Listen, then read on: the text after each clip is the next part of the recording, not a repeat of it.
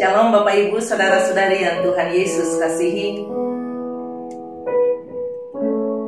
Apa yang sedang terjadi dalam kehidupan kita?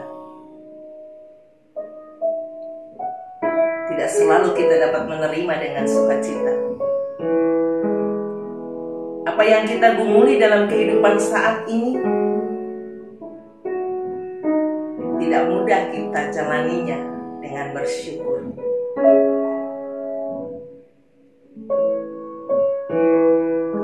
Tuhan mengajarkan kita untuk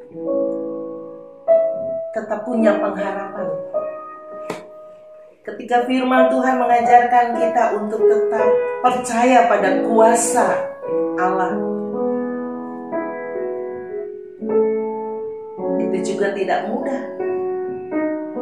Kita mengarahkan hidup kita untuk tetap percaya akan kuasa yang Tuhan Yesus nyatakan dalam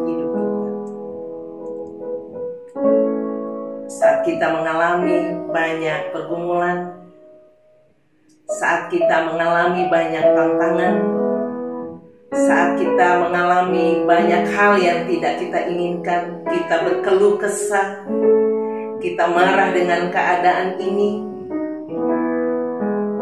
Firman Tuhan mengajak kita untuk tunduk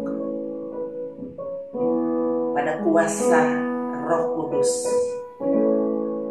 Menuntun kita untuk berdoa menyampaikan apa yang dapat kita katakan di hadapan Tuhan.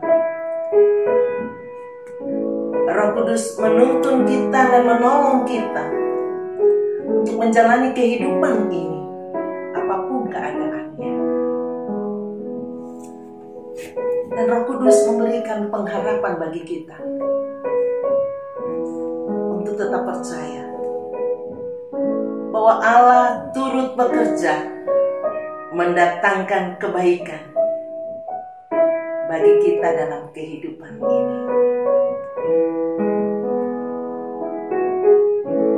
Jangan berhenti untuk percaya akan kuasa Kristus dalam tuntunan Roh Kudus.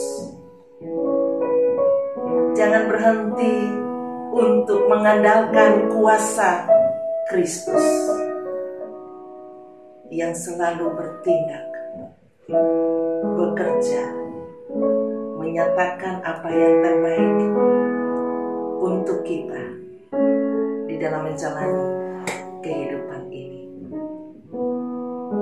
Kekuatan yang kita punya sangat terbatas, tapi kuasa yang Tuhan berikan tanpa batas. Mari kita belajar berserah, kita belajar percaya, dan kita mau bersyukur untuk apa yang Allah lakukan dalam kehidupan kita. Tuhan memberkati kita. Amin.